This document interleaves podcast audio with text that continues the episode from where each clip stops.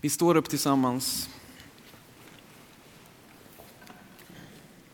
och läser dagens evangelietext från Matteus evangelium, kapitel 18, vers 15 till 20. Om din broder har gjort dig något orätt, så gå och ställ honom till svars i enrum. Lyssnar han på dig har du vunnit tillbaka din broder. Men om han inte vill lyssna, ta då med dig en eller två till. För på två eller tre vittnesmål ska varje sak avgöras.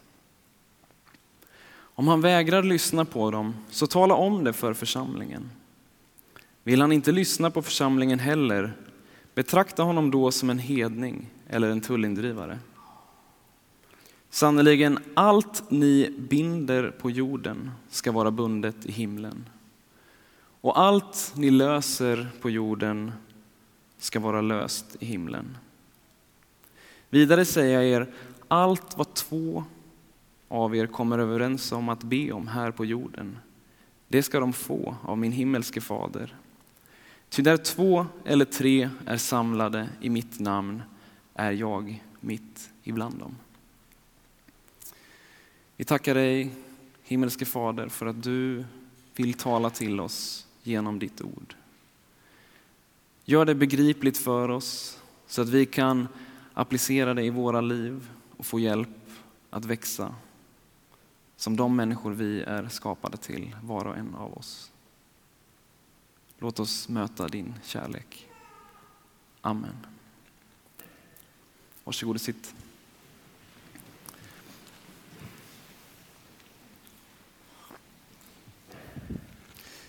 Josef, som vi hörde om i den första texten, han var sladdis. Han var barn nummer 12 i skaran. Han hade tio äldre bröder och en stora syster. Och jag skulle nog faktiskt våga påstå att han kanske var världshistoriens första barn som blev curlat. Han var pappas favoritbarn. Hans pappa gjorde allt för honom. Och det är till och med så att hans bröder gick så långt att de sa, pappa älskar Josef mer än han älskar oss andra. Det är ganska lätt att känna sympati med bröderna och syskonen. Det är ingen som vill vara mindre älskad än sina, ett syskon. Och det byggs upp irritationer och, och dessutom så visar det sig att Josef han är en sån här eh, lillgammal liten besserwisser också. Jag tror det verkar så i alla fall om man läser lite mellan raderna sådär. Jag tänker att han, han visste nog alltid saker och påpekade när de andra gjorde fel. Det står faktiskt att han, han skvallrade för deras pappa när de andra hade gjort saker och vad de sa.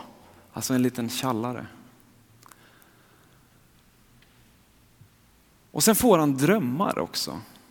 Drömmar som, som också verkar antyda att han skulle vara för mer än de andra. Och det är ju det värsta som finns om man har yngre syskon som, som tror att de är mer än en själv. Jag är själv äldst så att jag kan känna lite med det här. Så någonstans känner jag viss sympati med hans syskon. Och jag tror att de flesta av oss har upplevt det här, kanske inte i syskonsammanhang, men det finns människor runt omkring oss som kanske går oss på nerverna. Som vi har lite svårare att tycka om för att de har det bättre än oss eller, eller vad det än kan vara. Och så bygger vi upp irritation. Och sen händer det en dag att Josef kommer för att besöka sina bröder när de är ute och tar hand om djuren. Och då känner de, nej men nu får det vara nog. Och de är en grupp människor som förmodligen triggar varandra och de tänker det enda raka är att vi dödar honom. Då känner den äldste brorsan i skaran, det är nog att gå lite för långt. Så han hindrar dem och tänker vi slänger honom i en brunn istället. Och så är hans plan att han ska hämta upp honom senare. Men medan Ruben, som han heter, äldste brorsan, brorsan, är borta så kommer en karavan med slavhandlare. Och bröderna bestämmer sig, vi säljer honom som slav. Så blir vi av med honom, vi slipper döda honom och vi får lite pengar. Win, win, win. Och, och, här någonstans så flyttas mina sympatier från syskonen till Josef. För det är något, helt plötsligt har det gått för långt. Samtidigt som jag vet att, att det har hänt många gånger i mitt eget liv. Inte att jag har sålt någon som slav, tack och lov. Men, men där irritation och svårigheter har byggts upp och helt plötsligt har jag gått för långt. Och det här inser ju bröderna också efteråt, att det var ju att gå lite för långt. För helt plötsligt måste de ju gå hem till pappan och berätta att favoritsonen är borta. Och de säger till honom att det måste ha varit ett, ett rovdjur som har dödat honom. Och deras pappa blir helt fullständigt förkrossad. Så helt plötsligt har deras handling fått konsekvenser för, ja inte minst Josef som var själva offret, också de själva, men också andra människor, alltså tredje part, deras pappa i det här fallet. Handlingen, det misstaget de gjorde får ringar på vattnet och drabbar även andra. Och de hanterar det här på lite olika sätt. Josef hanterade så småningom otippat bra. Mycket tack vare att Gud faktiskt är med honom. Och han lyckas bygga upp ett, ett liv och blir fri. Han är inte slav längre och får en, en otroligt så småningom maktposition i Egypten där han hamnar. Bröderna ångrar handlingen och inser att det var fel. Och det blev inte mycket bättre hemma heller. För att från att ha haft en pappa som, som favoriserade en son och älskade honom mest så får de nu istället en pappa som är helt deprimerad och förkrossad. Det blir knappast en mer närvarande fadersgestalt i deras familj, snarare tvärtom. Om vi då hoppar fram lite i tiden så går det väldigt bra för Josef. Och det blir hungersnöd i Egypten och han har förberett för det här. Det har de inte i Kanans land där brorsorna bor och familjen. Så de blir tvungna att bege sig till Egypten för att be om mat. Och den de kommer till är Josef. Josef inser direkt vilka det är han har framför sig. Bröderna inser det inte. Förmodligen har de vid det här laget helt enkelt accepterat tanken att han förmodligen inte levde längre. Och vad händer när Josef efter så många år helt plötsligt får möta de som förstörde hans liv på det här sättet? Med viss misstänksamhet möter han sina bröder, fullt förståeligt. Han vill testa dem för att se, har de insett vad de har gjort? Har de insett vilka konsekvenser deras handlingar fick för mig i mitt liv? Så han prövar dem. Och han inser att, att de faktiskt har insett vad de har gjort. Att de har fått ta konsekvenserna av sin handling.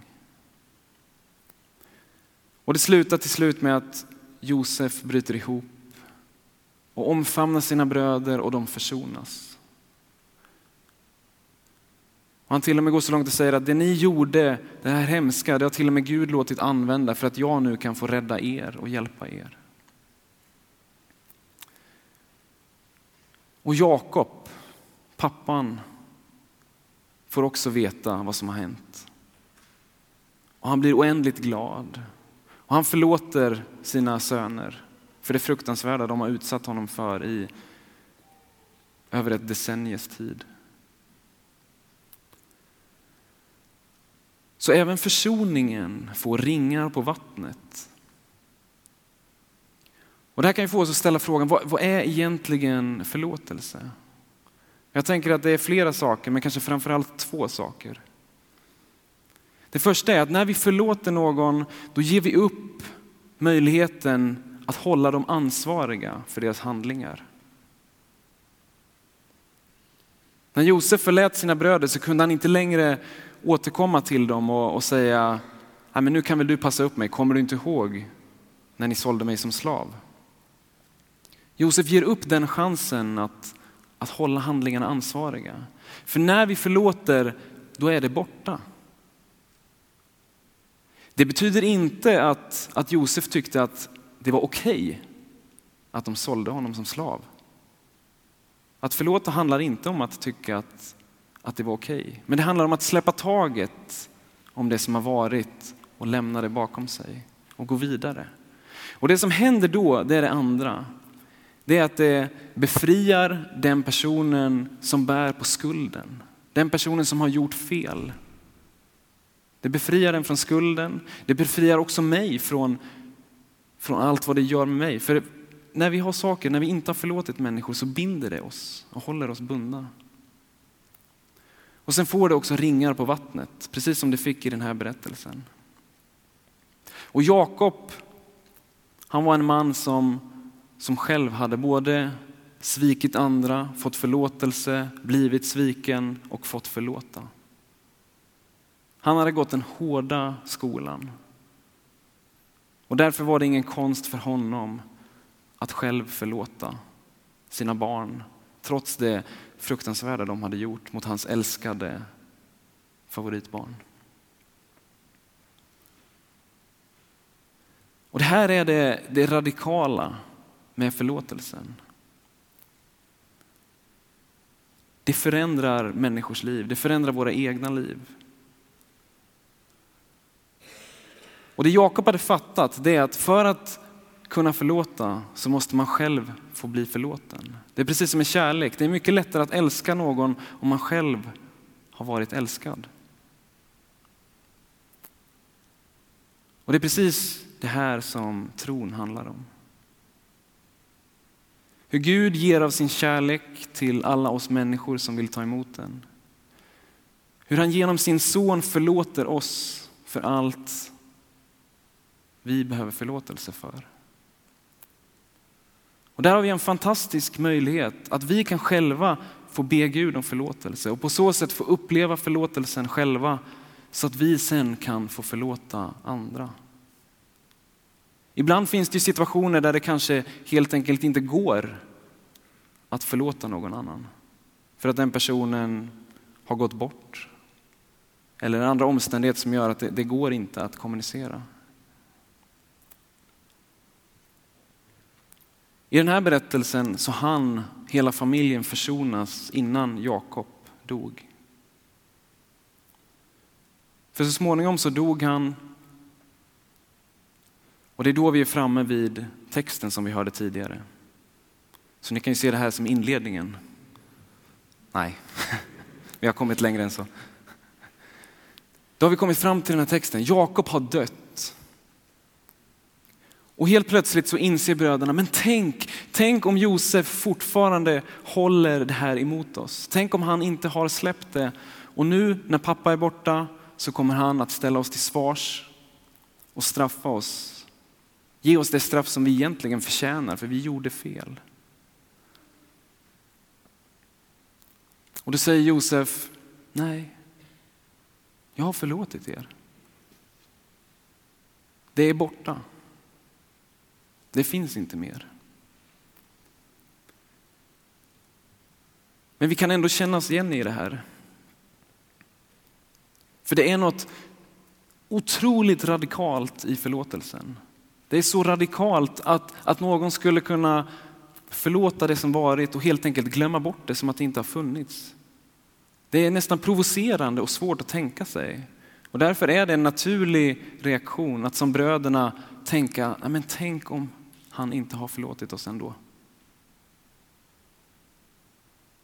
Verklig förlåtelse lämnar allt borta. Det finns inte längre. Och precis så är det också med Guds förlåtelse. När Gud förlåter våra synder, det som vi har gjort fel, det vi behöver förlåtelse för, då är det borta. För alltid. Det är radikal, provocerande förlåtelse utan gräns.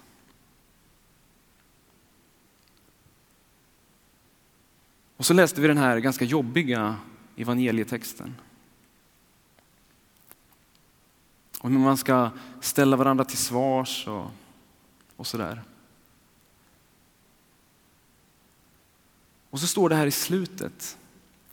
Sannerligen, allt vad ni binder på jorden ska vara bundet i himlen och allt som ni löser på jorden ska vara löst i himlen. Alltså om vi nu har den makten om vi tänker på sånt som vi själva har gjort mot andra, sånt som vi själva har blivit utsatta för. Och vi har valet att binda detta och låta det äta oss upp inifrån och låta det äta upp andra inifrån. Eller att lösa det. Finns det någon anledning att binda det? Jag ser ingen. För så fort vi binder någon annan så binder vi också oss själva. Valet ligger hos oss att förlåta. Och har man någon gång blivit förlåten så vet man att det kan vara bland det vackraste som finns. Att försonas och reparera det som är trasigt.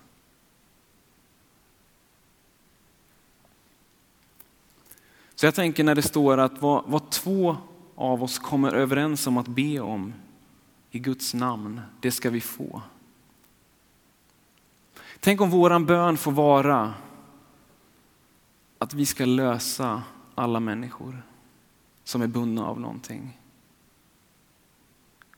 Att vi ska få lösa alla människor som, som behöver bli befriade. De människor som vi har sårat och de som har sårat oss. Tänk om vi kan få börja i de relationerna och att det sen kan få ge ringar på vattnet så att vi får vara med och lösa saker här på jorden så att de också ska vara lösta i himlen. Att ingenting mer ska vara bundet. Det är evangelium. Ska vi be tillsammans?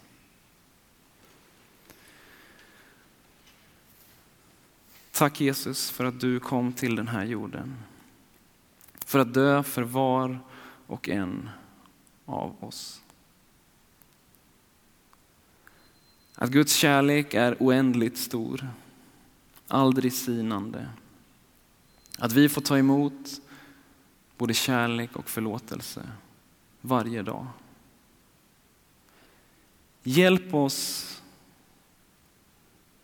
att använda den erfarenheten, att använda den kärleken och den förlåtelsen till att, att älska och förlåta andra.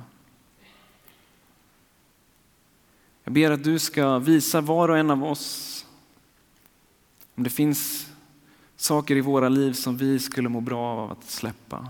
Om det finns människor som vi behöver be om förlåtelse. Om det finns människor som vi behöver förlåta. Ge oss modet och kraften att göra det. Så att vi alla får uppleva förlåtelsens befrielse. Att vi på så vis får vara med, göra den här världen mer lik den värld du en gång skapade och den värld som en dag ska komma. Att vi får vara med och göra ditt verk här på jorden. Amen.